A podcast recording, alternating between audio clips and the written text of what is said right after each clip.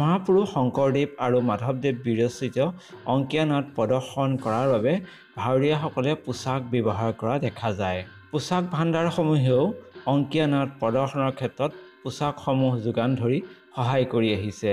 সেয়ে আজি আমি কথা পাতিম নগাঁও জামুগুৰিৰ এটি পোচাক ভাণ্ডাৰৰ লগত জড়িত অলকানন্দ নাথৰ লগত। এয়া অলকানন্দ নাথ।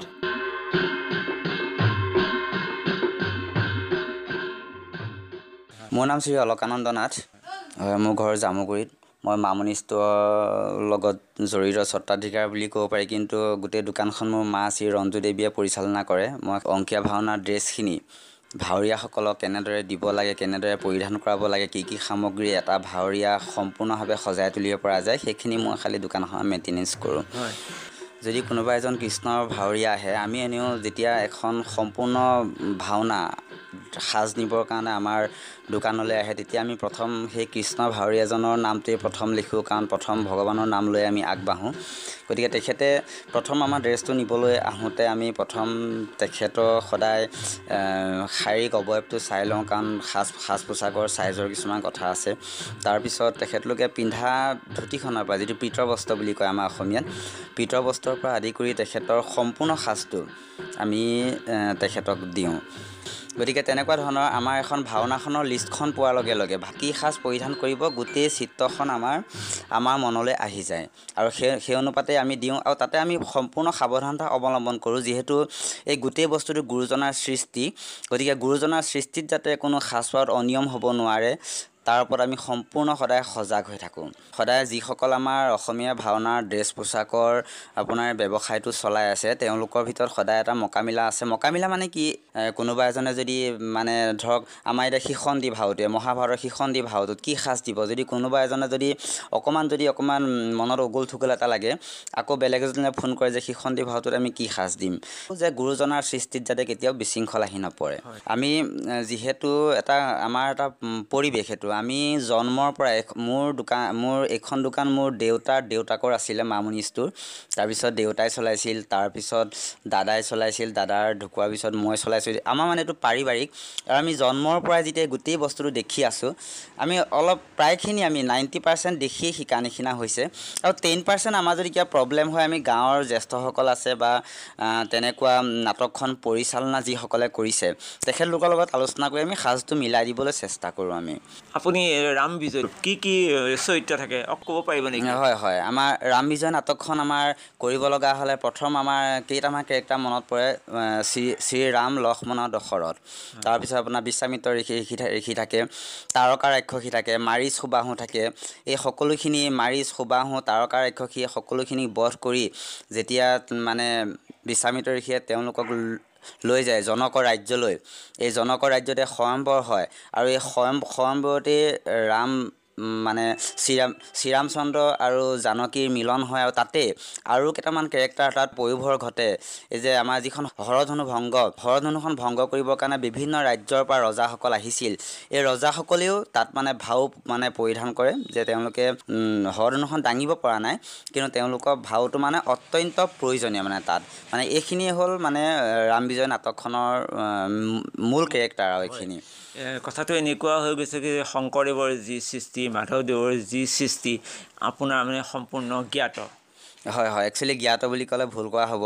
কিন্তু মানে দেখি শিকিছোঁ হয় দেখি শিকিছোঁ আৰু আমাৰ এই শংকৰদেৱৰ অংকীয়া নাটকৰ সাজপাৰখিনি দিব লগা হ'লে বহুতখিনি জানিব লাগিব বহুতখিনি অধ্যয়ন কৰিব লাগিব অধ্যয়ন কৰি লৈ হে মানে সাজটো দিব পৰা যায়। আমি এইটো এটা মই এইটো এটা একচুৱেলি পেচা নহয় মোৰ নিচা বুলি ক'ব লাগিব। এই মামনিষ্টটো মোৰ নিচা। আপোনাৰ এই নিচাটোৰ কাৰণেই আৰু গুৰুজনাৰ সৃষ্টিক সদায় ৰখাবৰ কাৰণে আৰু ভকতক ভকতেও যাতে এখন অংকীয়া নাটক খুব কম খৰচত পাতিব পাৰে।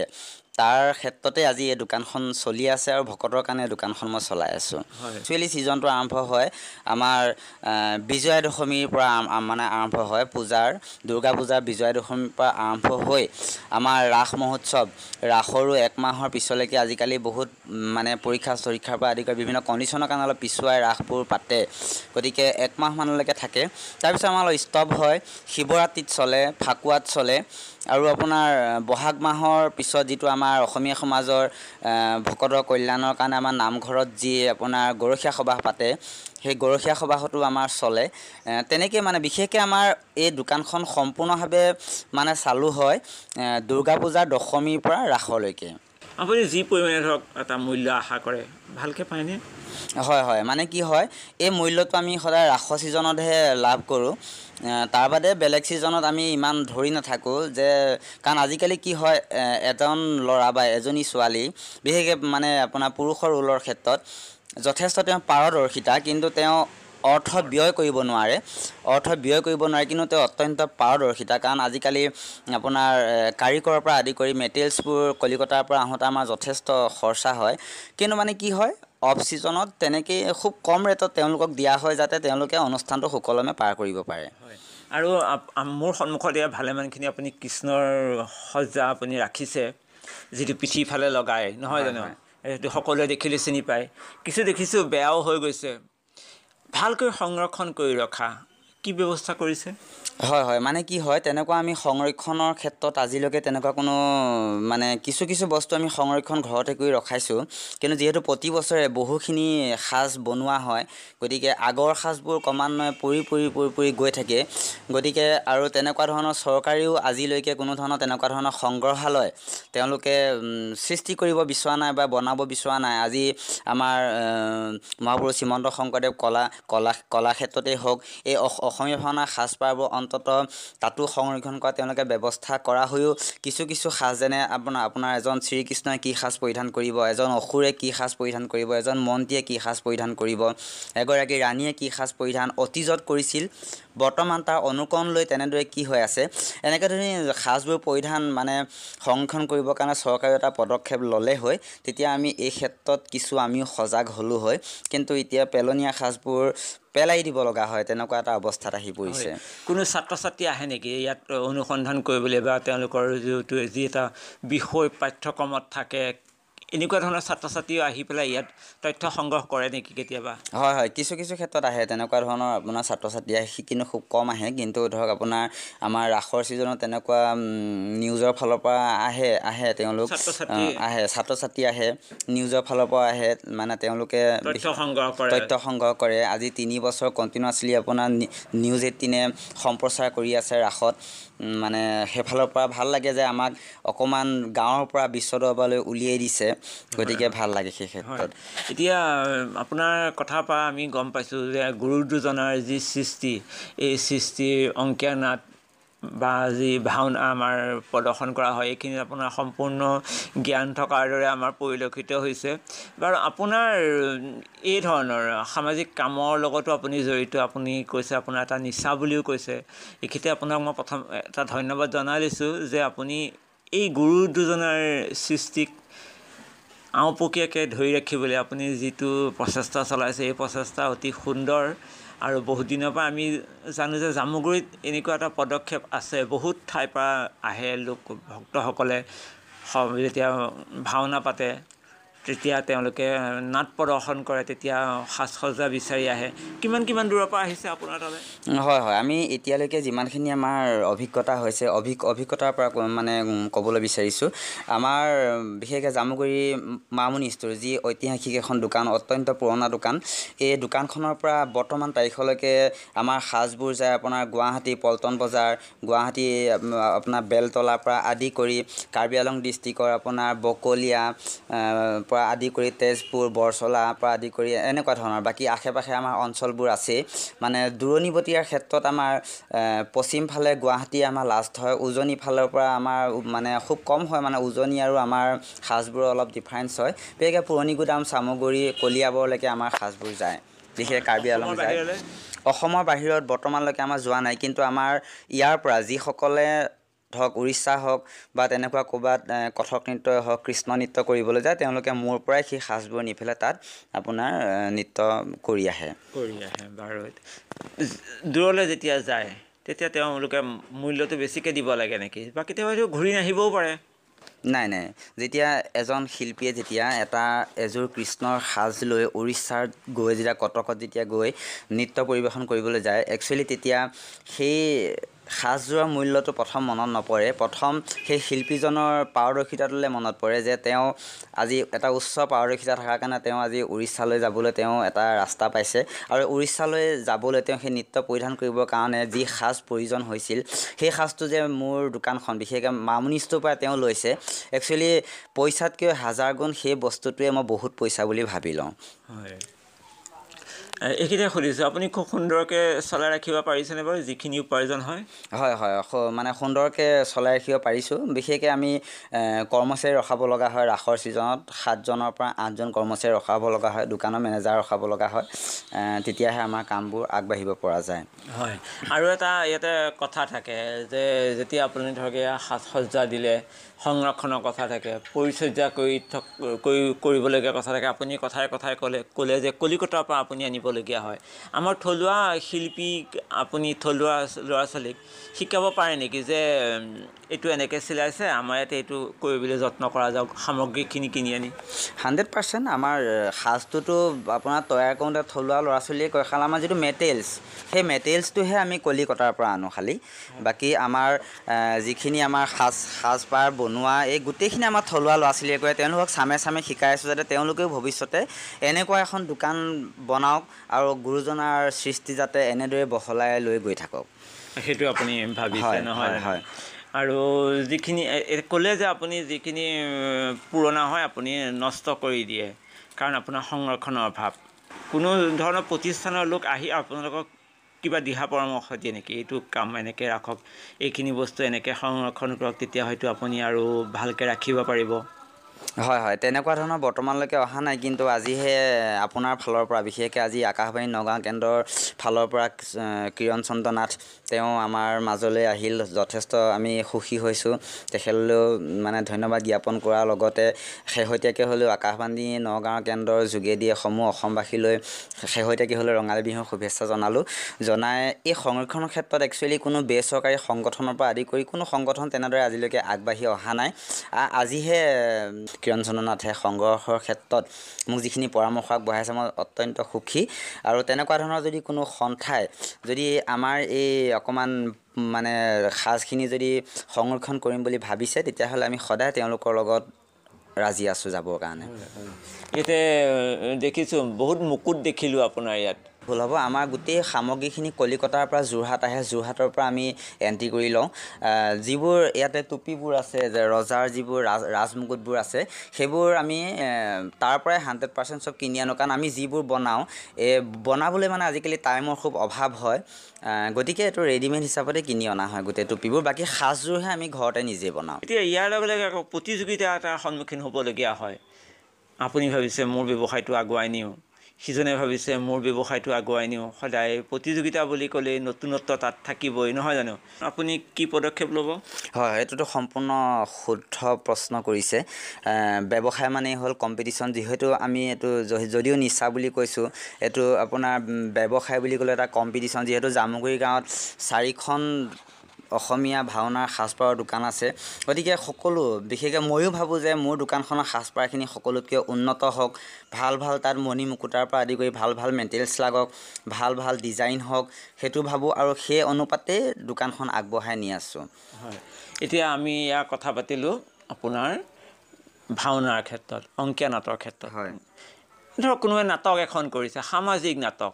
বুৰঞ্জীমূলক। হয়। সামাজিক নাটকৰ ক্ষেত্ৰত আমাৰ পৰা নাযায় বুলিয়ে ক'ব পাৰি। কিন্তু বুৰঞ্জীমূলক নাটকৰ ক্ষেত্ৰত যায় আপোনাৰ যিমানখিনি দিব পাৰোঁ যিমানখিনি মোগলৰ দিনৰ হওক বা তেনেকুৱা আহোমৰ দিনৰ হওক সতী জয়মতী হওক গতিকে তেনেকুৱা ধৰণৰ নাটকবোৰৰ ক্ষেত্ৰত যিমানখিনি দিব পাৰোঁ সিমানখিনি দিবলৈ চেষ্টা কৰোঁ আজিলৈকে দিয়ে আছোঁ তেনেদৰে। আৰু তাতো চাগে আপুনি মোগলৰ কাৰণে কেনেকুৱা মূৰৰ পাকটো হ'ব সতী জয়মতীৰ কাৰণে কেনেকুৱা কাপোৰযোৰ হ'ব আপুনি সেইখিনিও অধ্যয়ন কৰিবলগীয়া হয়। হয় সেইখিনি ডেফিনেটলি অধ্যয়ন কৰিব লাগিব। আজি আহোমৰ দিনৰ যিযোৰ সাজ এতিয়া আজি অসমীয়া ভাওনাত আমি এযোৰ মণিহাৰী ড্ৰেছ পিন্ধাই দিছোঁ কিন্তু আহোমৰ এজন স্বৰ্গদেউকটো মণিহাৰী সাজযোৰ পিন্ধাব নোৱাৰোঁ। তেওঁ এটা ছাইড চাপকণি ল'ব লাগিব মূৰত এটা সুন্দৰ পাগ ল'ব লাগিব গাত এখন চেলেং ল'ব লাগিব। গতিকে তেনেকুৱা ধৰণৰ মোগল মোগল বুলি কোৱাৰ লগে লগে মানে তেওঁলোকৰো সাজটো অলপ বেলেগ হৈ আহে। গতিকে তেনেকুৱা ধৰণৰ মোক এইখিনি থুৰতে ক'ব নেকি? আহোমৰ এখন নাটক প্ৰদৰ্শন কৰিবলৈ কি কি পোচাক লাগিব। হয় হয়। মই বিশেষকৈ বেছি আহোমৰ নাটকত আজিলৈকে তেনেকুৱা ধৰণৰ আজিকালি খুব কম হিষ্ট্ৰীমূলক নাটকবোৰ খুব কম কৰা হ'ল। তথাপি চাৰি বছৰমানৰ আগতে সতী জয়মী নাটকখন কৰা হৈছিলে। তাতে যিখিনি মহিলাৰ ৰোলখিনিতো তেওঁলোকে আমাৰ সম্পূৰ্ণ চাবুকডাল লাগে চমতা লাগে চমতা লাগে চাবুক চাবুকডাল লাগিব এই গোটেইখিনি সামগ্ৰী আৰু তেওঁলোকৰ যিটো আগতে হয় চাউডাঙৰ মূৰৰ পাক চাউ ছাইড চাপকণ বুলি কয় সেইটো আগতে তেওঁলোকে পৰিধান কৰিছিল। এইখিনি বস্তু হ'লেই মানে তেওঁলোকৰ হৈ যায়। বিশেষকৈ আহোমৰ নাটকখনত মানে ফিফটি পাৰ্চেণ্ট মানে ছিক্সটি পাৰ্চেণ্ট আমাৰ অসমীয়া সাজৰ প্ৰয়োভৰতা ঘটিছিল। গতিকে ঘটাৰ কাৰণে তেওঁলোকে অসমীয়া সাজো পৰিধান কৰি অনুষ্ঠানটো চলাব পাৰে। হয়। এতিয়া বিহুৰ সময়ত বিহুৰ সাজ সজাও ৰাখাই ৰখাৰ কথা ভাবিছে নেকি? নাই নাই তেনেকুৱা ধৰণৰ বৰ্তমানলৈকে কোনো ধৰণৰ হেৰি কৰা নাই বিহুৰ সাজটো। কাৰণ বিহু বুলি কোৱাৰ লগে লগে বিহুৰ যিটো সাজ সম্পূৰ্ণ প্ৰত্যেকজন অসমীয়াৰ ঘৰতে থাকে বুলি ক'ব পাৰি। গতিকে যিহেতু আমাৰ জাতীয় জীৱনৰ লগত সেই বিহুটো জড়িত গতিকে বিহুৰ সাজযোৰ এইটো একচুৱেলি ভাড়া বুলি ক'লে আমাৰ অসমীয়া সংস্কৃতিক কলুষিত কৰা হ'ব। গতিকে এইটো প্ৰত্যেকেই নিজাববীয়াকৈ ৰখাওক আৰু ৰখাব বুলিয়ে মই সকলোলৈকে এইটো কামনা কৰিলোঁ। ধৰক এতিয়া সাজ সজ্জা আছে কৃষ্ণই শংকৰ চলকৈ যুদ্ধ কৰিছে তেতিয়া হয়তো পোচাকযোৰক নষ্ট হ'ব পাৰে। আপুনি গ্ৰাহকক কি ক'ব খোজে? একদম সম্পূৰ্ণ এইটো কথা খুব মানে সম্পূৰ্ণ মানে শুদ্ধ মানে প্ৰশ্ন সুধিছে। আমি মানে কি হয় ড্ৰেছযোৰ আমি ভাড়াত দিওঁতেই আমি কৈ কৈ পঠাওঁ যে এইযোৰ ড্ৰেছ আপুনি সংৰক্ষণ কৰি ৰখাব কাৰণ আজি আপুনি পিন্ধিছে কাইলৈ আৰু এজন ব্যক্তিয়ে পিন্ধিব আৰু এটা ৰোল তেওঁলোকে কৰিব। গতিকে এই ক্ষেত্ৰত কওঁ যে দেখি মানে সাজযোৰ যাতে অকণো বেয়া নহয় আপোনাৰ নিজৰ ঘৰৰ সম্পত্তি যিহেতু এইবোৰ দেৱসাজ। দেৱসাজ কেতিয়াও বেয়া কৰিব নালাগে আৰু পিছদিনাখনো ৰদাব দিওঁ ৰদাই কৰি আনি সুন্দৰকৈ তেওঁলোকেও তেনেদৰে প্ৰায় নাইণ্টি পাৰ্চেণ্ট মানুহে ড্ৰেছযোৰ খুব সুন্দৰকৈ দিয়েহি। খুব টেন পাৰ্চেণ্ট মানুহে অকণমান তেওঁলোকে কিছুমান সময়ৰ নাটনিৰ ফলত যেনে তেনে দি থৈ যায়হি। কিন্তু সেইখিনি পৰিচৰ্যাখিনি আমি নিজে কৰি লওঁ। নিজৰ সম্পদ এটা নিজে আমাৰ নিজৰে সম্পদ। আপুনি সংৰক্ষণ কৰি আছে তেওঁলোকে ইয়াৰ পৰা ব্যৱহাৰ কৰিছে। আপোনাৰ ইয়াত সংৰক্ষণ হৈ থকা বস্তুখিনি তেওঁলোকে ঘৰত ব্যৱহাৰ কৰি যদি আকৌ সুন্দৰকৈ উভতাই দিয়ে তেওঁলোকে কাইলৈ আকৌ এখন নাটক কৰিবলৈ সুবিধা হ'ব নহয় জানো? ডেফিনেটলি ডেফিনেটলি বাৰু অলকানন্দ নাথ ভাল লাগিলে আপোনাৰ ব্যৱসায় প্ৰতিষ্ঠানলৈ আজি আহিলোঁ। আমি শুনি আছিলোঁ জামুগুৰিত ড্ৰেছ ভাণ্ডাৰ আছে বুলি। জানিলোঁ কথাবিলাক খুব ভাল লাগিলে। এই কথাৰ পৰা আমাৰ ৰাইজ নিশ্চয় উপকৃত হ'ব। শেষত আপোনালৈ ধন্যবাদ। ধন্যবাদ মোৰো আপোনালৈ ধন্যবাদ থাকিল। এনেদৰে আহি আমাৰ এই গুৰুজনাৰ সংস্কৃতিটো যাতে এনেদৰে বিশ্ব দৰবাৰত প্ৰতিষ্ঠা হয় সেইটো কামনা কৰি আপোনালৈ গভীৰ শ্ৰদ্ধা নিবেদন কৰিলোঁ মই।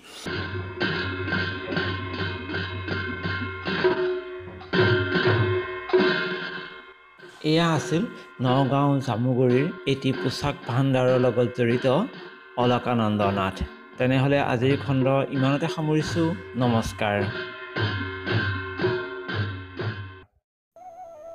আজি আমি লগ পাম অসমৰ বিখ্যাত ভাস্কৰ্য তথা চিত্ৰশিল্পী পাপু ঘোষক।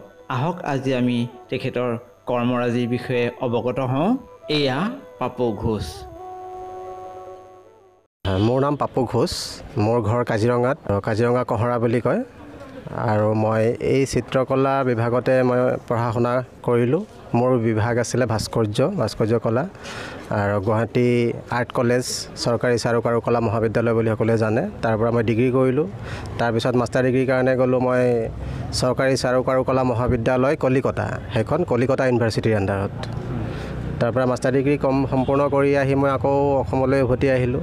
তাৰপিছত উভতি আহি এটা এটা দীঘলীয়া এটা যাত্ৰা আচলতে পিছত আকৌ মানে মোৰ সেই চহৰীয়া জীৱনৰ প্ৰতি অকণমান মানে বিৰাগভাৱ এটা আহিলে ইমান ভাল নলগা হ'ল। বহুত মানে জীৱনৰ আধা চোৱা সময় এই মানে চহৰৰ মাজত কংক্ৰিটৰ মাজত পাৰ কৰিলোঁ। আকৌ পুনৰ জন্মভূমিলৈ উভতি আহিলোঁ।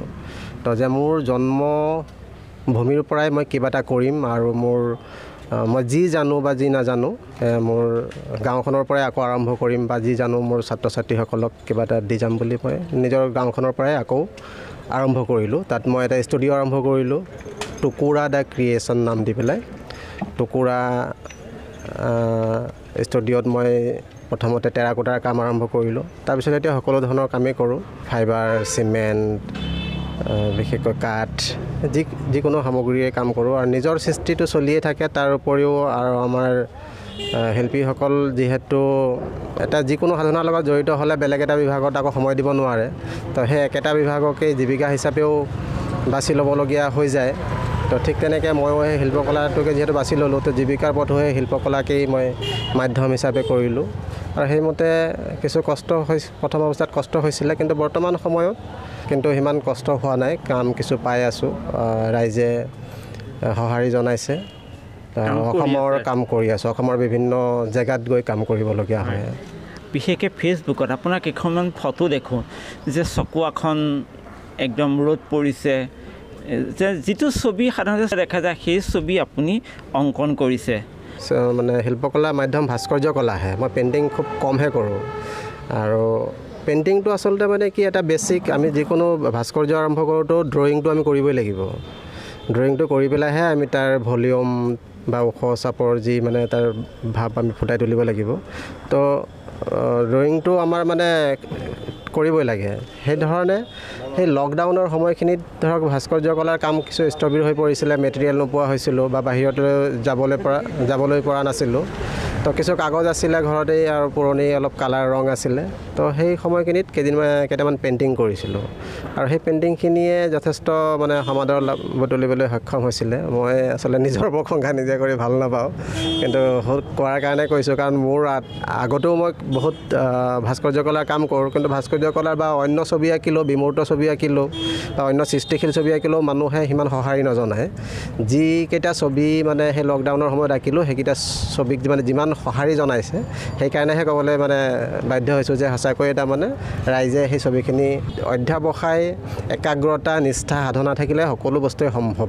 বিদ্যালয়মুখী হোৱাৰ পৰাই চাগে মাটিতে হওক বা এঙাৰৰে হওক বহী কিতাপতে হওক তেনেকেই আপুনি শুভাৰম্ভ হৈছিল নেকি কাম হয় হয় হয়। মই আৰ্ট কলেজত যোৱাৰ আগতেই আচলতে ছবি আঁকিছিলোঁ। ছবি মানে একদম সৰুৰ পৰাই ক্লাছ থ্ৰীমান তৃতীয়মান শ্ৰেণীত পৰাই মই ছবি আঁকি খুব ভাল পাওঁ। য'তে ত'তে ধৰক আমাৰ মাটিৰ বেৰ আছিলে তো মাটিৰ বেৰতে আঁকো আৰু বহি তেতিয়াতো আৰু কম দামী বহি যদি দিষ্টা বহি তাতেই আঁকো। তেনেকৈ সেই যাত্ৰা আৰম্ভ হৈ হৈ এদিন আৰ্ট কলেজলৈকে গৈ পালোঁ। যে ভবা নাছিলোঁ যে আৰ্ট কলেজো থাকে। মেট্ৰিক পাছ কৰাৰ পিছতো যে এনেকৈ আৰ্ট কলেজত মানে বিশ্ববিদ্যালয়তো যে চিত্ৰকলাৰ বিভাগ থাকে বা চিত্ৰকলাৰ বিষয়ত অধ্যয়ন কৰিব পাৰি সেই বিষয়ে জনা নাছিলোঁ। সেই আৰ্ট কলেজত যোৱাৰ পিছতহে গম পালোঁ যে মানে এনেকুৱা মূৰ্তিকলাৰো এটা ভাস্কৰ্য কলাৰো এটা বিভাগ থাকে যে মাটিৰেও মূৰ্তি সাজ- সাজিব লাগে শিল্পীসকলে। সেইটো কাহিনীও মানে আৰ্ট কলেজত যোৱাৰ আগত মই জনা নাছিলোঁ। হয়। আপুনি হয়তো যিখিনি মনেৰে ভাবি আছিল কথাখিনি চিন্তা কৰি আছিল সেইখিনি আপুনি পাই গ'ল। হয় হয়। নিশ্চয়কৈ ক'ব লাগিব। মই সুখী যে মোৰ ভাল লগা বিষয়টোকে মই মানে আজি জীৱিকা হিচাপে ল'ব পাৰিছোঁ নিজৰ জীৱনত। সেয়া মোতকৈ আৰু বেলেগ আনন্দৰ বিষয় বা মানে বেলেগ নাই আৰু। আপুনি অনবৰত অকল ছবিৰ চিন্তাই কৰি থাকে নেকি? বেছিভাগ সময় কিন্তু ছবিৰ চিন্তাই কৰি থাকোঁ। ধৰক মই গা ধুই আছোঁ বা বেলেগ যিকোনো কামেই কৰি আছোঁ ভাত খাই আছোঁ। সকলো সময়তে মোৰ এটা দৃশ্যপট মোৰ মগজত এটা ক্ৰিয়া কৰি থাকে। ক্ৰিয়া কৰি থাকে যে মই নেক্সট পৰৱৰ্তী সৃষ্টি এটা কৰিম সেই সৃষ্টিটো কি ধৰণে কৰিম কি মেটেৰিয়েলত কৰিম কেনেকৈ সেই চিন্তাটোক মানে মই তুলি ধৰিব পাৰিম। চিন্তাটো অজস্ৰ আহে কিন্তু চিন্তাবোৰক কি হয় সকলো সকলোবোৰ চিন্তা সকলোবোৰ মাধ্যমত তুলি ধৰাটো সম্ভৱ নহয়। তাৰ কাৰণে সেই উপযুক্ত মাধ্যমটো বিচৰাটো এটা মানে ডাঙৰ কাম আমাৰ কাৰণে। মনৰ পৰতে খালি সেই ছবি শিল্পকলাৰ কলা সম্পৰ্কীয় চিন্তাবোৰে আহি থাকে। পাৰিবাৰিক যিবোৰ কাম কাজ থাকে সেই তাতো সময় দিব লাগে। খুব পাহৰোঁ মানে মই। বজাৰলৈ গ'লোঁ কিবা এটা বস্তু আনিব লাগে নহয় তাৰে দুটা বস্তু পাহৰি আহিম। আকৌ ঘৰত আহি গালি খাম।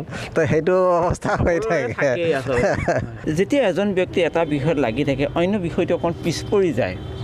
হয় পৰিবই। এইটো সাধাৰণ কথা স্বাভাৱিক কথা। মানে যেতিয়া পিছ পেলাবও লাগে তাৰমানে বেলেগ কি এটা বিষয়ত যেতিয়া আপুনি ভালকৈ একাণপতীয়াকৈ লাগিব সকলো বিষয় সকলোবোৰ বিষয় একেলগে আপুনি সমানুপাতিকভাৱে লৈ যোৱাটো সম্ভৱ নহয় তাৰমানে। যদি সকলোবোৰ বিষয়তে আপুনি লৈ যাব বিচাৰে সকলোবোৰেই আধা আধাকৈ হ'ব সম্পূৰ্ণ কেতিয়াও নহয় মই ভাবোঁ তেনেকৈ। যদিহে এটা বিষয় সম্পূৰ্ণকৈ মানে আপুনি জ্ঞান আহৰণ কৰিব বিচাৰে তেনেহ'লে তাত চৌব্বিছ ঘণ্টা সময় দিয়াটো জৰুৰী। ছবি যদি অংকন কৰিবলগীয়া হয় তো ইতিহাস জনাটো খুব জৰুৰী। সেইকাৰণে অধ্যয়নটো কৰিবই লাগে তাৰমানে চিত্ৰকলা এনেকুৱা নহয় যে কেৱল মাত্ৰ ফূৰ্তি কৰিলোঁ বা অকল মাত্ৰ ৰং ধেমালিৰ বস্তু নহয় এয়াও যে এটা গভীৰ অধ্যয়নৰ বিষয় সেয়া মানে আৰ্ট কলেজলৈ যোৱা সকলো ছাত্ৰ ছাত্ৰী বা শিল্প ছাত্ৰই সেইটো অনুভৱ কৰে বুলি মই ভাবোঁ। কিন্তু বাকীসকলেও কৰে বোধহয় যিসকলে অধ্যয়নৰ গুৰুত্বটো বুজি পায় তেওঁসকলৰ যে আৰ্ট কলেজত গ'লেহে শিল্পী নিৰ্মাণ হ'ব পাৰে তেনেকুৱা কোনো কথা নাই। অধ্যয়ন ঘৰতো থাকি কৰিব পাৰি কিন্তু অধ্যয়ন নোহোৱাকৈ এখন ভাল ছবি অংকন কৰাটো সম্ভৱ নহয়। হয় ভাস্কৰ্য কলা ধৰক আপোনাৰ দুই ধৰণৰ হ'ব পাৰে। এটা ধৰক থ্ৰী ডাইমেনশ্যন য'ত থাকিব ফ্ৰী ষ্টেণ্ডিং বুলি ক'লে আপুনি সেই মূৰ্তিটোৰ চাৰিওফালে ঘূৰি পেলাই চাব পাৰিব। আৰু এয়া হ'লগৈ এয়াও ভাস্কৰ্য কলাৰে ভাগ এই ইয়াক ৰিলিফ বুলি কোৱা হয়। ইয়াক আমি পিছফালৰ পৰা গৈ চাব নোৱাৰোঁ। ইয়াক সন্মুখৰ পৰাই চাব পাৰিম। কিন্তু তাৰ আমি যে ওখ চাপৰ সেই আপ ডাউন তাতে ছাঁ ছাঁ পোহৰৰ খেল সেই গোটেইখিনি বস্তু আমি অনুভৱ কৰিব পাৰিম। ছবি অঁকাটো মানুহে বহুতে ক'ব বিচাৰে এয়া ঈশ্বৰ প্ৰদত্ত। তেওঁ জন্মতেই মানে এই শিল্পৰ জ্ঞান লৈয়ে জন্মগ্ৰহণ কৰিছে তেনেকুৱা কোনো কথা নাই মই তেনেকৈ বিশ্বাস নকৰোঁ। আচলতে একাগ্ৰতা সাধনা নিষ্ঠা আৰু খুব ধৈৰ্য লাগিব পেচেঞ্চ লাগিব এইখিনি বস্তু থাকিলে মানে যিকোনো মানুহে ছবি আঁকিব পাৰিব। এনেকুৱা কোনো কথা নাই যে মানে জন্মগত ঈশ্বৰ প্ৰদত্ত এটা শক্তি থাকিব লাগিব। ঈশ্বৰ প্ৰদত্ত ভক্তিটো থাকিবই লাগিব অভিয়াছলি সকলো মানুহে থকাটো দৰকাৰ এটা ঐশ্বৰিক শক্তি আছে ময়ো বিশ্বাস কৰোঁ। কিন্তু এনেকুৱা নহয় যে মই মন্দিৰত গৈ এনি টাইম ভগৱানক মানে হেৰি কৰি থাকোঁ যে মোৰ ছবি ভাল কৰি দিয়ক মোৰ ছবি ভাল কৰি দিয়ক। মই সেয়া বিশ্বাস নকৰোঁ। মই কৰ্মত বিশ্বাসী মই কৰ্ম কৰি যাওঁ আৰু মই কাম কৰি থাকি ভাল পাওঁ তাৰমানে। আৰু শিশুসকলক কি ক'ব খোজে? কেনেকৈ আগবাঢ়িব? সংক্ষেপতে। ন শিকাৰুসকলক। অভ্যাস অভ্যাসেই ইয়াৰ সকলোতকৈ মানে ডাঙৰ শিক্ষক।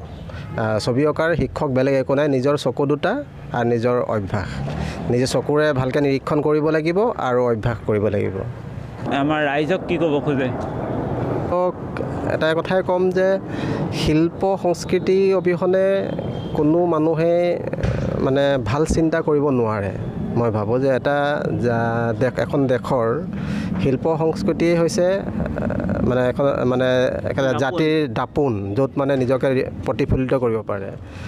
আৰু এটা জাতিৰ মানে মেৰুদণ্ড মেৰুদণ্ড স্বৰূপ। তো সেয়েহে আমাক নিজকে চিনাকি দিবলৈ আমাৰ শিল্প সংস্কৃতিৰ মানে উত্তৰণ ঘটাবই লাগিব। আমি আৰু নিজকে আত্মবিশ্লেষণ কৰিব লাগিব নিজকে শুধৰাব লাগিব। আমি যদি সেই একেটা কামকে সদায় কৰি থাকোঁ তেনেহ'লে আমাৰ মানে পৰিৱৰ্তন কেতিয়াও নহয়। আমি পুৰণিকো ধৰি ৰাখিব লাগিব পৌৰণিক সকলোবোৰ পুৰণি কিন্তু আমি ধৰি ৰাখিলে আমাৰ কেতিয়াও পৰিৱৰ্তন নহয়। যিবোৰ বস্তু আমি জানো যে এয়া আমাক লাগিব আৰু যিবোৰ পুৰণিকলীয়া যিবোৰ মানে হেৰি আছে কিছুমান বস্তু আছে সেইবোৰ যিবোৰে আমাক ক্ষতি সাধন কৰিছে সেইবোৰ এৰি পেলাই আমি নতুনক আদৰিব লাগিব। সেয়ে ক'ম যে শিল্প সংস্কৃতি সকলোৱে আকলিয়ে লওক আঁকোৱালি লওক আৰু বৰ্তমান সময়ত দেখিছোঁ যে চিত্ৰশিল্প জনসাধাৰণে খুব আঁকোৱালি লৈছে। সেয়া এটা শুভ লক্ষণ বুলি মই ভাবিছোঁ। হয় ধন্যবাদ। আজি আপোনাক আমি পালোঁ আমাৰ সৌভাগ্য। শেষত আপোনালৈ অশেষ ধন্যবাদ। মই বহুত বহুত ধন্যবাদ জ্ঞাপন কৰিছোঁ। ইমান পৰে? অসমৰ বিখ্যাত ভাস্কৰ্য তথা চিত্ৰশিল্পী পাপু ঘোষৰ কৰ্মৰাজিৰ বিষয়ে অৱগত হ'লোঁ। তেনেহ'লে আজিৰ খণ্ড ইমানতে সামৰিছোঁ। নমস্কাৰ।